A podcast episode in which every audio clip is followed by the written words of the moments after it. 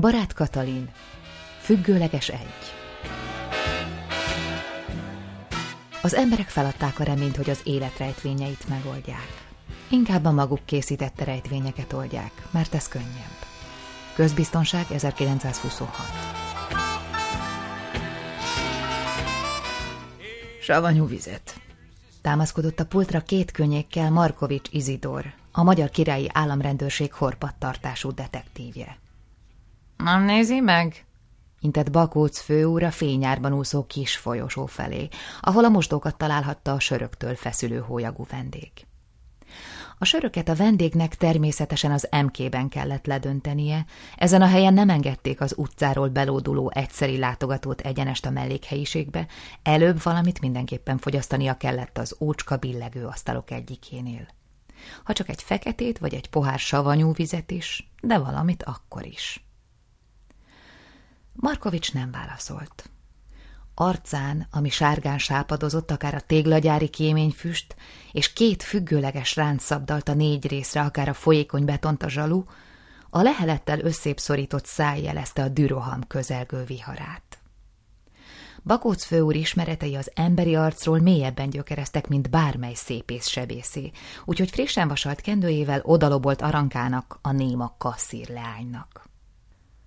Nem enne inkább olyan Schneiderféle cukorkát. Az asszony szerint annál nincs jobb orvosság a gyomorbántalomra?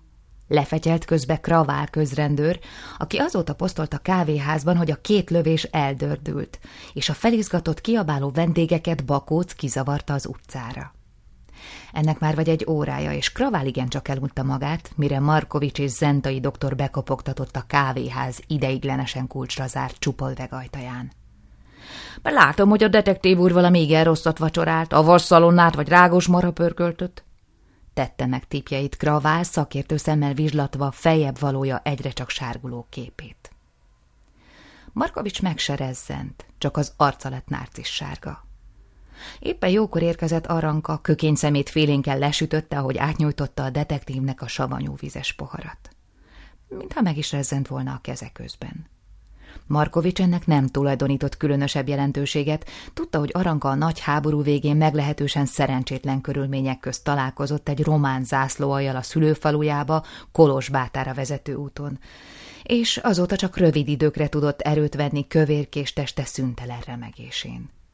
Ráadásul a holttestre is ő nyitott rá először, mivel a lövések idején a szomszédban, a női illemhelyiségben tartózkodott. Izidor! Hallatott a mosdók felől a reszelős kiáltás. Fáradj ide, rögvest, különben... Markovics gyomra éppen kezdett megnyugodni, ahogy belezúdult a langyos savanyú víz.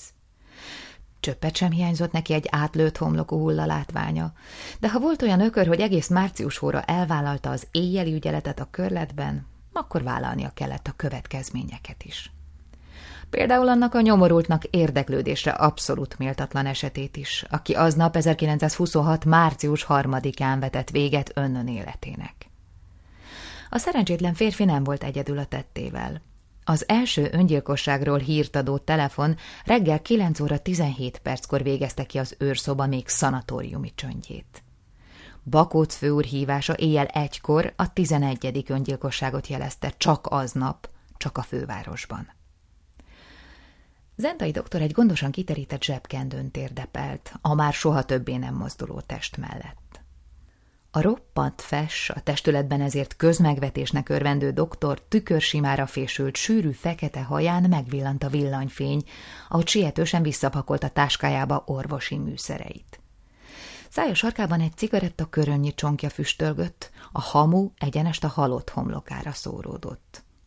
A hulla ettől úgy festett, mint aki egy hamvazó szerdai misétől kimerülve kényelmesen elpihen a kávéházi mosdó zöld-fehér mozaik köves padlóján, homlokán a bűnbánat hamucsókjával, feje alatt egy fényes, sötétvörös szőnyeggel.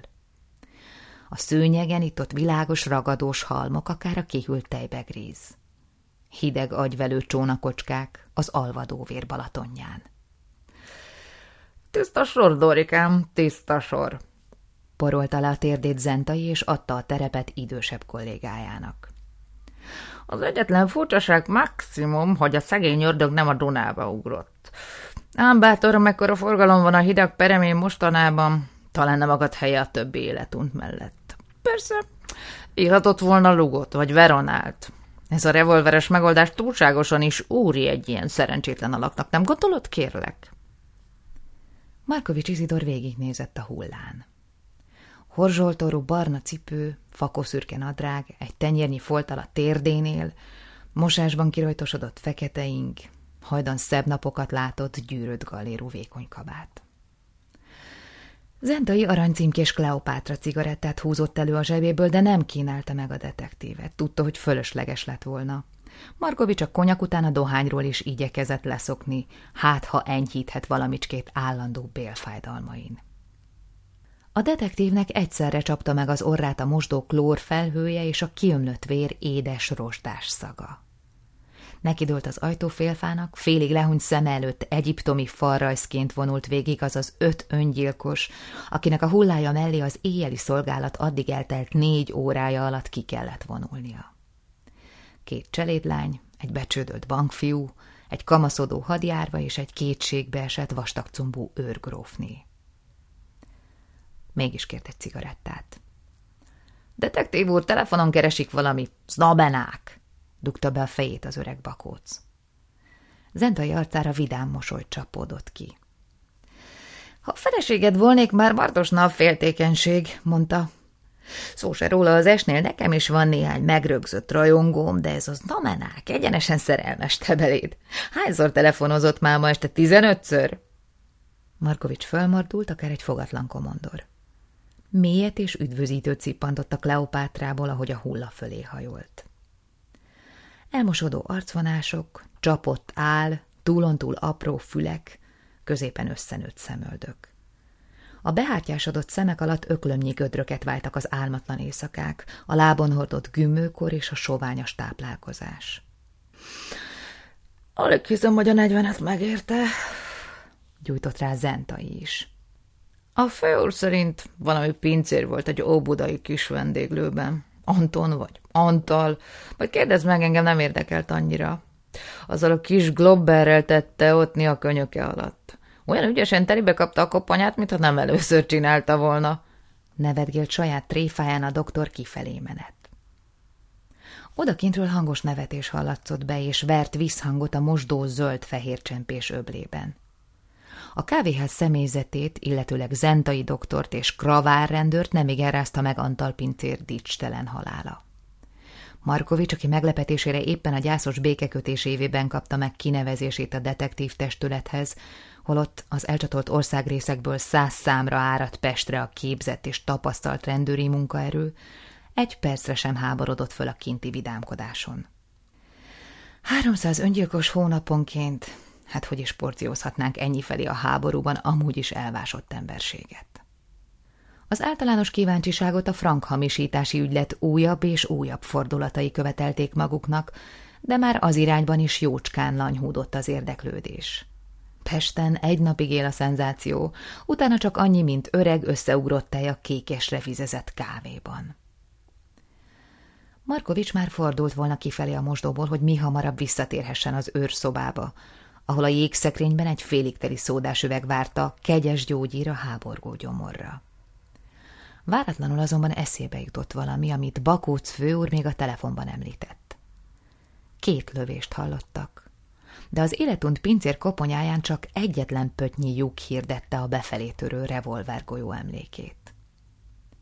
Markovics visszafordult, körbejártatta savószínű szemének lapos pillantását. A mosdó falán számos lyuk tátongott, mindőjük tágasabb, mint a golyó, amit a nevetségesen pici gyalogsági globber magából kilőni képes. A detektív arcára a frissen megskalpírozott lágytojásból kicsorgó sárgája színült ki, ahogy újfent a halott enyhén kicsavarodott teste fölé hajolt. Lehúnyta a szemét, és nagyot szippantott a cigarettából. Kivonta zsebben melengetett karvajójuk kezét, kutakodni kezdett a néhai antalpincér gyűrött kabátjában. Előhúzott egy pénzcsomót, átpörgette, csupa értéktelen elrongyolódott, kifakult papír, még a vörösök rövid életű országlásának idejéből. A pénzt a saját zsebébe sülyeztette, túr tovább. Használt, foszlott, zöld szakkos zsebkendő. Gondolkodás nélkül a háta mögé hajította. Markovics megmerevedett, és nem törődve egyre acsarkodó gyomrával guggoltában megfordult. A zsebkendő finoman csattant a mosdók kövén, amikor földet ért. Textília ilyet nem csinál, hangtalan lebben a csempére. Markovics hunyorítva vette észre, hogy a kendő redői közül kicsúszott egy félbehajtott boríték sarka. A detektív odalépett, és két ujja közé csippentve óvatosan kihúzta a papírt a zsebkendőből. A címzetlen borítékot használták már korábban is. A papíron végig szántó gyűrődések a felesége vasalatlan, kölni és asszonyszagú hálóingeit juttatták Markovics eszébe. A detektív gyomrában megfordult egy bőlérkés, ahogy széthajtogatta a kopertát. Elolvasta a ceruzával felrót két szót, és akkorát szívott a cigarettából, hogy a papír szinte a fogára égett. Elhajította a cigaretta maradékát. Sarkánál ráharapott a borítékra, míg kabátja belső zsebéből előkotorta és felhúzta finom bőrkesztyűjét, karácsonyi ajándék Nellitől. A boríték hajtásában meglapuló, ugyancsak két réthajtott papírt már kesztyűs kézzel vonta elő. Türelmetlenül simította ki. Megfordította. Tíz éve egy aknarobbanásban jócskán lepörkölődött szemöldöke összeszaladta, hogy szemügyre vette a lapot. A cédulán fekete vonalak rendeződtek hálóvá, a vízszintes és függőleges elsősorok első kockájában gondosan végig számozva. Széltében öt, hosszában tizenkét négyzetből állt a jópára üresen hagyott hálózat. Csak az első vízszintes sort töltötte ki valaki, mégpedig öt kis, egyforma fekete keresztel. Markovics Izidor újfent megpördítette a borítékot. Megint elolvasta a két szót, amelyekre különben élénken emlékezett, öngyilkosságon magyarázata, aztán homlokát a hűsre lakkozott ajtónak döntötte. Megpróbálta eldönteni, vajon egy újabb pohár savanyú víz, vagy a második Kleopátra lesz képes inkább békére bírni, robbanni készülő gyomrát. Szóda bikarbóna, detektív úr, Csapott oda egy füles bögrét gyanús, tejszerű folyadékkal az asztalra Jolán, a bivajtermető gépíró kisasszony, és már indult is kifelé. Markovics bizalmatlanul pillantott utána, aztán a bögrébe. Lassan a szájához emelte az edényt, imádkozva a gyomorbajosok úristenéhez. Oh! dölt hátra megkönnyebbülve. Mintha enyhültek volna napok óta tartó benső kínjai. Aztán a szemébe ötlött az est előtte heverő ropogós kiadásának címlapja, mintha Buffalo Bill eresztett volna egy sorozatot a hasfalába. Nem én voltam, protestált Kravál közrendőr, aki Markovicsal szemben egy széken feszengett bajszahegyét rángatva. Hiszen én nem is vagyok zsurnalista. Egész hajnalon a béleményben aludtam, nem is csoda, amikor éjszak a három órakor mehettem csak haza abból az istenverte emkéből.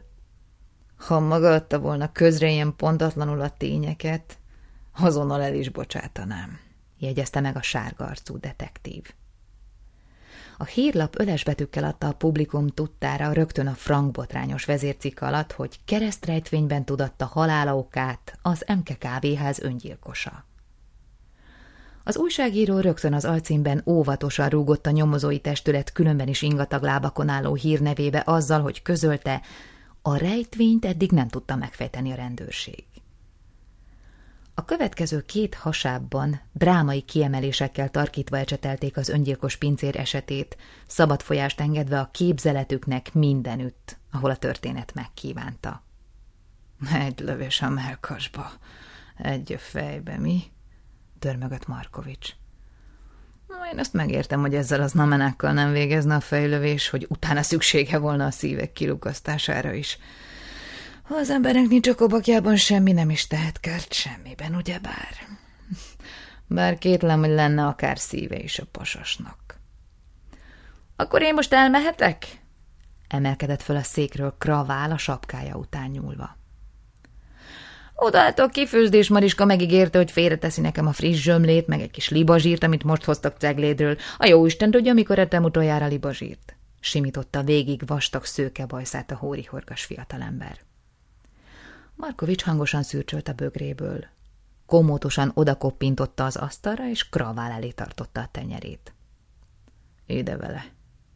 Kravál nagy szemeket mereztett. No, de mivel instálom, a zsömlér még csak most indulnák, és... Markovics türelmetlen pillantást vetett a beosztottjára. Kravál megadóan rogyott vissza a székre, a zsebébe nyúlt, és fájdalmas képpel hullajtott egy harmonikává gyűrt ezer koronást a detektív tenyerébe. Most meg mit üldögél itten? förmet rá Markovics. Menjen és hozzon nekem is egy zsömlét abból az ötszázasból, ami még a zsebében maradt. Mars! És legközelebb úgy kopaszta meg a zsurnalisztáját, hogy nem maradjon rajta toll, amivel ilyen sületlenségeket írjon össze. Ahogy Kravál kicamogott, Markovics gondosan kibélelte a tárcáját az ezer koronással.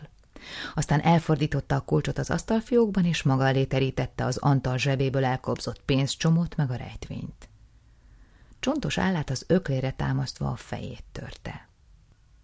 A bögrében egy nyelet szódabikarbónás vízse volt már, amikor Jolán vaskos válla megrezzent a kiáltásra. Hívja föl Zilbuher tanácsost a hagyatéki osztályon. Znamenák Béla mindössze három éve fogyasztotta az újságírók szikkat kenyerét, de az esnél így is az egyik leghasznosabb munkatársnak számított. Ügyet teremtett egy gazdátlan pipából, szenzációt egy fél pár kamásniból. Nem csoda, korábban ügyvédbojtárként dolgozott a Guldenkrantz és Rosenstern irodánál. Ott is a reményteljes tehetségek között tartották számon egészen addig, amíg Kitzinger City a cipőpasztagyárosnél letétbe helyezett rubinját el nem nyelte a föld, éppenséggel znamenák felügyeleti ideje alatt. Az ifjú jogász nem tudott elszámolni a veszteséggel, ezért az utcára került. Onnan azonban hamar eltalált annak a négy emeletes bérháznak a kapujáig, ahol az Angyali Harangszó című szennylapot szerkesztették. A harangszótól tisztes fizetésért szegődött az esthez, amelynek tulajdonosa elismeréssel figyelte Znamenák hírkovácsos munkásságát. Ezen a meleg márciusi délelőttön nem kevesebb, mint négyen állták körbe Znamenák íróasztalát. Mindegyikük kezelügyében egy-egy cetli, aminek a közepén fekete négyzetháló szerénykedett, pontos mása annak a rejtvénynek, ami fölött ugyane órában Markovics Izidor töprenkedett. A Fekete Keresztnek jelentését nem igen kell kutatnunk, jelentette Kiznamenák. Igazad van, Béla, azok a haláljelei, bólogatott az egyik kolléga monoklis szemét a rejtvényre meresztve. Hát persze, hogy igazam van, lódította az asztallapra bordó cipellős lábát Znamenák. Rágyújtott egy szivarra. A titok azonban nem a vízszintes egyben rejtezik, húzta maga elé a saját céduláját. Tán a tizenötösben? Az volna ugyanis az utolsó, törte a fejét egy másik újságíró, akinek úgy pattogtak elő a tébetűk a foga alól, mintha egy marék mogyorót roppantott volna össze a szájában. Ah, ugyan Kálmán, legyintett Znamenák. A titok nyitja a függőleges egy, ott közölné velünk öngyilkosságokát ez a furfangos pincér, ha egyáltalán pincér volt. Mi más lett volna Bélám? ütközött meg a monoklis. A Csengeri utcában lakott egy földszinti kisputriban, oda csak kiöregedett kóristalányok és kiakolbolított viceházmesterek költöznek, törekedő ember semmiképpen. Znamenák följegyzett valamit világos kék báránybőrporítású jegyzetfüzetébe. Nem állta meg most sem, ahogy máskor sem, törékeny ujjaival végig simított a füzet hűvös, puha fedelén. Drága tivadarom, hogyan te hova költöznél, ha a francia kormány titkos szolgája lennél? Mondta kérdőre a kétkedő monoklist. A Grand Hotel császári lakosztályába? Gondolom a frakot hát a közepére meg kibigyeztenét, hogy kém vagyok, ne áruljanak el nekem semmit. Znamenákkal együtt nevetett a másik három férfi. Míg a kigúnyolt negyedik levette monokliát, és odaadó figyelemmel megtörölgette. Tizennégy betű, öregeim, tizennégy! simogatta a jegyzetfüzetét Znamenák tekintetbe véve, hogy az első betű helyét elfoglalja a kereszt. Szerelmi bánat? kérdezte egy alacsony pocakos fiú. Az újságírók egyszerre tették le a cédulákat, hogy két kezükön a betűket számolgassák. Még egyikük se ért a végére, amikor znamenák gúnyos kacajban tört ki. Tizennégy, Pósa úr! Tizennégyet, mondtam. Pósa úr pirulva vonult vissza a papírkájához. Na és ha az a kereszt, nem is egy kereszt, hanem... Kezdte pedzegetni a monoklis.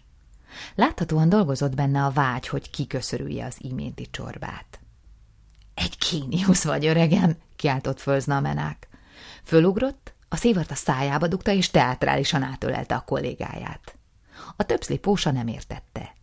– Nem kereszt, akkor meg micsoda? – pislogott vaksin a szemüvege mögül. – Hát T te marha! – vágta hátba a monoklis, amint kiszabadult Znamenák ölelő karjai közül. – Ebédre itt legyen a megfejtés, drága barátaim! csapott az asztalára Znamenák. Addig is. Oda telefonozok a rendőrségre, ne essen kárba a befektetés, ha már a derék kravált egy hétre kibéreltem. Ügetett kecsesen a tejüveg szobajtó felé, amelyen dölt betűkkel állt az est fölirat. Markovics Izidor rendelt egy feketét sok vízzel, kísérőnek pedig egy pohár aludtejet. Bakóccal odahordatta az összes friss külföldi újságot. Végigböngészte, melyik német iparágra fenik legújabban a fogukat a franciák, hogyan kapálozik Amerika a maffia és a viszki rabláncain, és miképp teremtik meg a kommunista oroszok a keleti édent. Ez utóbbiról megvolt a saját véleménye. Nyolc hónapot töltött egy szibériai faházas faluban, mint hadifogoly. Ahogy visszatette az üres aludteljes csuprot, az asztal megbillent, és veszedelmes gyorsasággal indult csúszásnak a kávés pohár. Markovicsnak csak akkorra sikerült utána kapnia, amikor a pohár szélén a detektív szájának keskeny lenyomatával félig már a levegőre támaszkodott. Bakóc, akinek a szeme a friss légypiszkot is regisztrálta, még mielőtt az az üvegajtót megpettyezte volna, előzékenyen oda sietett. Hadd intézkedjem, detektív úr, ereszkedett volna már is térdre. Csak ne nyúlkáljon, hessegette el Markovics. Bakócki sémekbántva trappolt a szomszéd asztalhoz, hogy fölvegyen egy rendelést három szelet bundás kenyérről. A detektív, nem törődve a hasában zajló ütközettel, lenyúlt az asztal alá. Rövid tapogatózás után megtalálta az asztal rövidebbik lába alól kicsúszott támasztékot, egy apróra hajtogatott papírszeletet.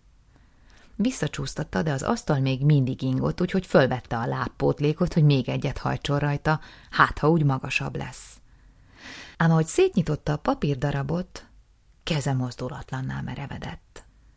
A tizenöt soros keresztrejtvény rajzolata szíven ütötte volna, ha Markovics nem cserélte volna már rég a gyomrára a szívét. Bakóc ebben a pillanatban ért mellé. Rosszul tetszik lenni? Érdeklődött olyan tapintattal, ami Betlen miniszterelnök bizalmas komornyikjának állására is méltóvá tehette volna. Úgy vettem észre, mintha... Csak ne, Mind házzon itt nekem, fiam. Förmet rá elsárgulva a detektív. Iparkodjon inkább arankához, mert fizetnék. Bakosz mély meghajlással fogadta a megbízást, és mire Markovics előhalázta vízslabarnak kabátját az ebédelni betérők sárjai és kalapjai alól, már át is adta a néma kasszírnő ceruzás összegzését sovány tíz óraijáról. Legközelebb kevesebb árpaport keverjen a kávéba, dobott pár bankjegyet az újságok tetejére. Jobban szeretem a kávéból készült kávét, mint a takarmányt. Még a végén át kell kelnem egy óbudai vendéglőbe, ha emberhez méltó ozsonnát akarok. Kérem, simította évezredes tárcájába bakóca fizetséget. A megbántottságnak halvány árnyalata sem csengett a hangjában. Markovics rajta felejtette a szemét egy újonnan érkezett dizősz forma hölgy domború vádlián. Isten áldja meg a háborús szöveténységet, mormolta magában, ahogy elővette a zsebéből egy vastag pénzhengert. Ezt nyújtsa át arankának, dugta Bakóc mellén zsebébe a bankjegyet, amit a pénzkötegről választott le. Úgy látom, keveset eszik mostanában az alány, netán életunt? Na te detektív úr, kezdte tiltakozását Bakóc. Markovics barátságosan, de késedelem nélkül meglegyintette a főúr borvirágos arculatját, mire a pincér megértően visszavonult arankához. A néma leányzó fejbúbik pirulva fogadta Markovics küldeményét. Remegése fölerősödött, ahogy a detektív irányába rezegtette hosszú, szőke szempilláit. Markovics udvariasan megpöccintette a kalapjakarimáját, és közben csodálkozva észlelte, hogy gyomrában fegyverszünetet kötöttek a savak. Remélhetőleg nem átmenetit, sóhajtotta, ahogy kilépett a zsibongó körútra. A monoklis kertje olyan mélyen kihajolt az est utcára nyíló ablakán, hogy odalentről bárki az öngyilkos jelöltek közé sorolhatta volna. A férfi a botrányfelelősök szürke eminenciásaként régóta várt már egy olyan lehetőségre, amit az agyát grízesi aprító Antal pincér rejtvénye nyújtott neki, pincérként stílszerűen, tálcán.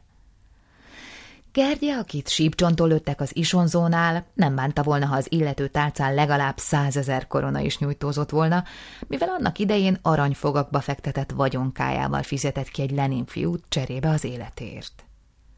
De olyan nagyon mégse bánta, hogy nincs ott a tálcán az a százezer korona. Most, hogy megfejtette az önkéntesen hullává avanzsált Antal pincér rejtvényét, szinte a margában érezte a szerkesztői jutalmat. Először is elköltözik a lövöldetéri bérleményből. Aztán vesz egy szalmakalapot, hamarosan úgyis itt a nyár, és neki 1916 óta nem volt egy csinos francia szalmakalapja. A kalapban lesétál a Margit szigetre, ahol a gazdag lányok promenádoznak, és akkor Gergye képzeletében egy komoly washingtoni hírlapba fektetett tőkét, amikor Znamenák Béla előtt kivágódott a szárnyas tejüveg. Gergye nem várta meg, hogy a szenzációk fölkentje köré gyűjjön a többi rejtvényfejtő is, határozott léptekkel elébe sietett. Kitaláltam! lengette meg a betűkkel sűrűn telírott négyzethálós papírlapot Znamenákorra előtt. Béla úgy pillantott rá, mintha még soha az életben nem találkoztak volna. – Micsodát? – kérdezett vissza homlokráncolva. – Hát az emkés rejtvényt! – vágta rá Gergye. Monoklia úgy csillogott a gyönge márciusi napfényben, ami a szobára nehezedő cigarettafüstön átverekedte magát, mintha Gergye egyenes lángra akarta volna lobbantani a szobát, csupán csak a pillantás erejével. – Ah, Gergyém, az már passzé, legyintett znamenák. Gyors léptekkel maga mögött hagyta a dermet kollégát. – Hogy, hogy passzé? izzadt le Gergye egy minutum alatt. Ebéd után szíve lőtte magát az emkés kasszírnő. Tekert papírt az írógépébe znamenák.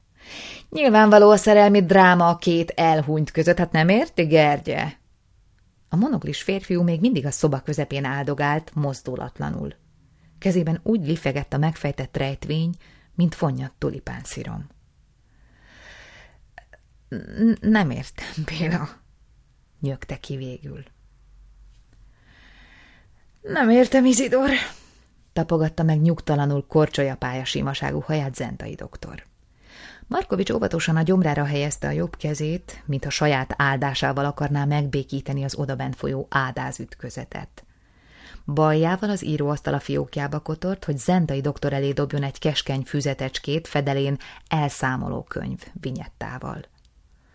A doktor belelapozott a könyvbe, és azon nyomban harsány kacagásra fakadt kínoz a kíváncsiság, hogy a mennyi ingyen élő újságíró töri a fejét znamenák parancsára a megfejtésen. Zsercintett végig egy gyufát a cipője talpán. A Kleopátrából előgomolygó füst jó időre eltakarta a doktor arcát Markovics elől. Hetet legalább, nyögte savanyú képpel a detektív. Szóval ebbe a füzetbe jegyezte a szegény kis aranka az emke bevételeit. Tizenöt tétel fér egy oldalra, ide nézének, kitéptek, vagy... vagy tíz lapot. Lett úr rá az izgatottság zentai hangján. Markovics a szemét forgatta. Mert legalább tíz asztal áll bizonytalan lábakon az emkében, azóta billegnek, amióta én betettem oda a lábam. Nem is tudom, lapozgatott tovább a doktor. Én úgy emlékszem, a háború előtt szép ámpírasztalok álltak ott, csak aztán elnyelte őket a föld. A háború előtt, mondta le szenvedőn a szemét Markovics detektív. Te akkor még csipkés ruhácskában szaladgáltál odahaza a virágos kertben. Zentai visszaadta a füzetet. No, azt azért nem, hárított. Igaz, apám vitt a kávéházakba, hát ha eltanulok tőle néhány kártyatrükköt. Szerencsére teljesen kacska a kezem a kártyához. Markovics minden tudóan elmosolyodott, ám egy szót sem szólt. Lássuk, érte-e, kolléga, mormolta a doktor. Antal pincér nagybátyja temérdek bankot hagyott a fiára, amikor meghalt 1919-ben, de a fiának csak most kézbesítette az örökséget a postatakarékbank.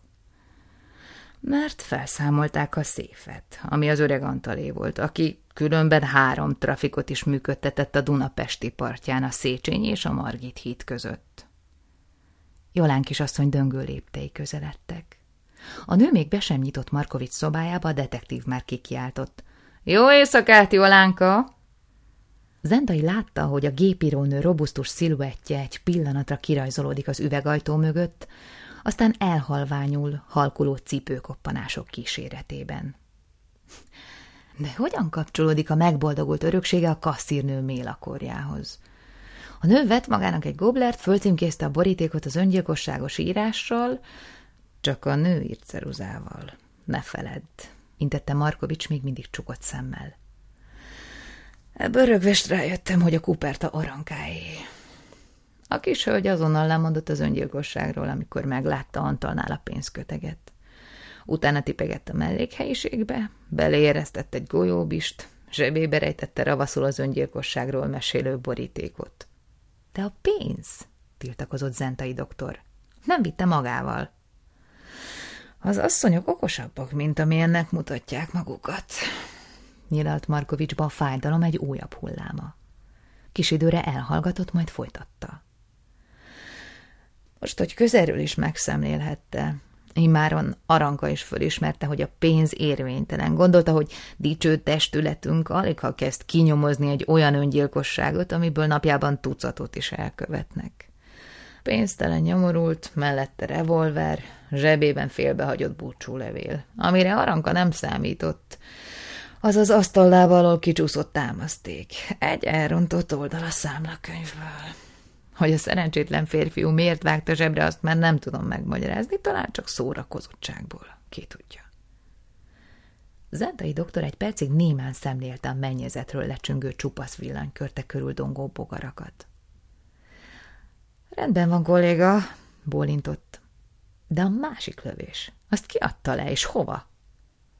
Markovics Izidor kinyitotta a szemét. Annak a házvezetőnőnek a tekintetével bámult Zentaira, a képe rajta kapta a cselédjét a spájzban egy lekváros üveggel. Mégis mit gondolsz, doktorom? Tán úgy képzeled, hogy egy remegő kezű leányzó, akinek legfőjebb a pénztárkönyvvel van biztos tapasztalata, elsőre célba talál. Meg kell azért hagyni, másodjára egész jól ment neki. Nyugtázta. Egyenest a pincér homloka közepébe. Nekem te azt mondtad, hogy nem találtad meg a második golyót, háborgott Zentai. Mert nem jutott eszembe a plafonon keresni, sóhajtotta Markovics. Mondd csak, doktorkám, nincs te neked dolgod a hullaházban, mintha tíz perce még odafelé igyekeztél volna. Zentai fölállt és vállára terítette fekete galléros köpenyét. Félreértetted, Izidor, nyúlt a kalapjáért. Nem hulla, hanem színházba megyek. A detektív kotorászni kezdett az asztalában. Csak óvatosan, kolléga, szólta kifelé igyekvő doktorhoz. Ne nagyon mutogasd a tárcádat a rajongó hölgy publikum körében. Az apámmal megyek, köszönt kurtán zentai, brillantinos haján legényesen félrecsapva a kalapot. Markovics alig, hogy egyedül maradt, megtalálta, amit keresett. Egy barna üvegcsét teli körömnyi sárga tablettával. Lecsavarta az üvegcse fehér kupakját, nagy nehezen kikotort egyet a tabletták közül, hogy a szájába vegye. A tabletta még akkor is a nyelvehegyén csücsült, amikor három és fél óra múlva fölébredt.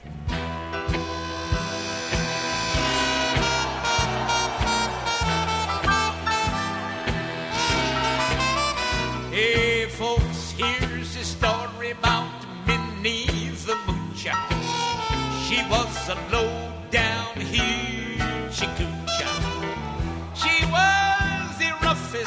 roughest, toughest frail, but Minnie had a heart as big as a whale. Honey, honey, honey, honey.